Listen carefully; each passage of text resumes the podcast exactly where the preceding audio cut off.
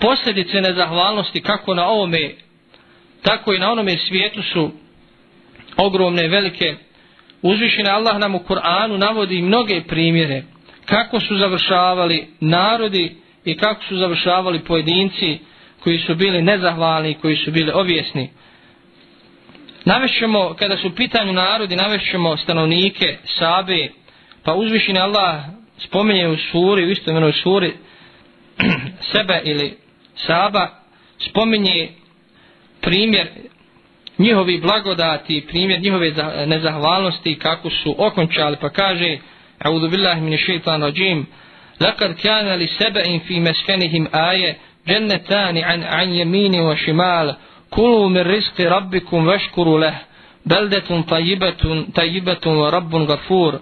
فأعرضوا فأرسلنا عليهم سيل العرم وبدلناهم بجنتيهم جنتين ذوات أكل خمط وأثر وشيء من سدر قليل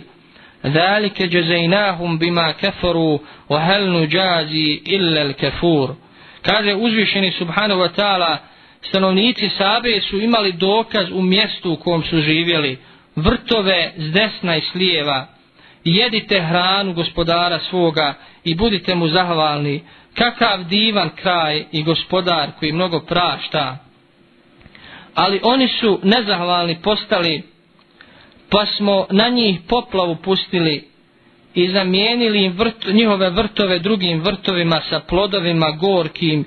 i tamariskom i neznatnim lotosom divljim. Kaznili smo ih tako zato što su bili nezahvalni, a da li mi kažnjavamo ikog drugog do onoga koji je nezahvalan. Drugi primjer je primjer čovjeka koji se spominje u suri الكهف فكاج أزوشني سبحانه وتعالى واضرب لهم مثل الرجلين جعلنا لأحدهما جنتين من عناب وحففناهما بنخر وجعلنا بينهما زرعا كلتا الجنتين آتت أكلها ولم تظلم منه شيئا وفجرنا خلالهما نهرا وكان له ثمر فقال لصاحبه وهو يحاوره. أنا أكثر منك مالا وأعز نفرا ودخل جنته وهو ظالم لنفسه قال ما أظن أن تبيد هذه أبدا وما أظن الساعة قائمة ولئن رددت إلى ربي لأجدن خيرا منها منقلبا قال له صاحبه وهو يحاوره أكفرت بالذي خلقك من تراب ثم من نطفة ثم سواك رجلا لكنه الله ربي ولا أشرك بربي أحدا. ولولا إذ دخلت جنتك قلت ما شاء الله لا قوة إلا بالله إن ترني أنا أقل منك مالا وولدا فعسى ربي أن يؤتيني خيرا من جنتك ويرسل عليها حسبانا من السماء فتصبح صعيدا زلقا. أو يصبح ماؤها غورا فلن تستطيع له طلبا. وحيط بثمره فأصبح يقلب كفيه على ما أنفق فيها وهي خاوية على عروشها. ويقول يا ليتني لم أشرك بربي أحدا ولم تكن له فئة ينصرونه من دون الله وما كان منتصرا. Kaže uzvišeni subhanahu wa ta'ala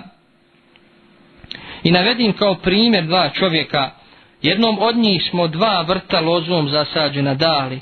pa- i palmama ih opasali a između njih njive postavili oba vrta su davala svoj plod ničega nije manjkalo, a kroz sredinu njihovu smo rijeku proveli.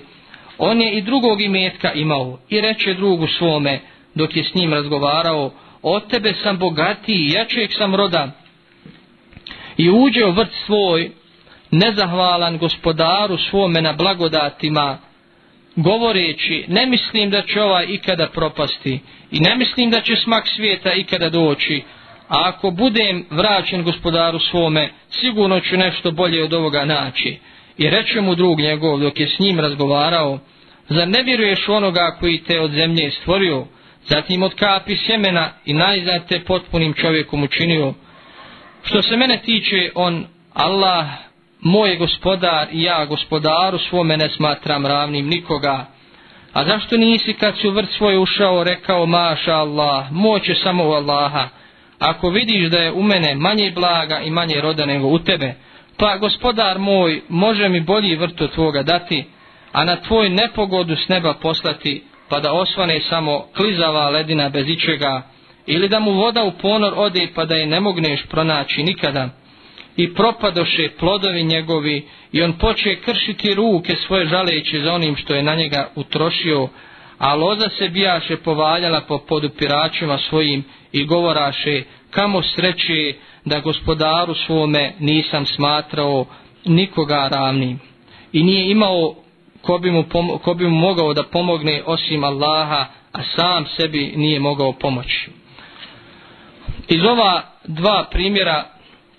možemo izvući veliku pouku a to je da uzvišeni Allah neminovno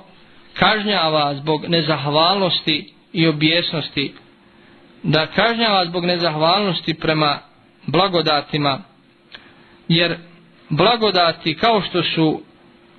Allahov dar Allahovo dobro u isto vrijeme su iskušenje da Allah vidi da nas iskuša kako ćemo postupiti da li ćemo ih kako treba koristiti i da li ćemo na njima zahvalni biti. Neka nam ovi primjeri koje smo čuli budu pouka. Razmislimo o sebi i o tome koliko smo Allahu zahvalni. Razmislimo o blagodatima koje su u našem posjedu i razmislimo kako se Allahu zahvaljujemo. Nije dovoljno samo Allahu jezikom šukr činiti. Ono što je bitnije što se od nas traži jeste da mu budemo zahvalni svojim dijelima odnosno da mu budemo pokorni onome što naređuje i onome što zabranjuje. To je prava zahvalnost i to su pravi zahvalnici. Također trebamo biti svjesni posljedica nezahvalnosti. Neka nam uvijek na umu budu ovi primjeri koje smo večeras čuli da uzvišeni Allah oduzima blagodat ili umanjuje blagodat ako na njoj zahvalni nismo.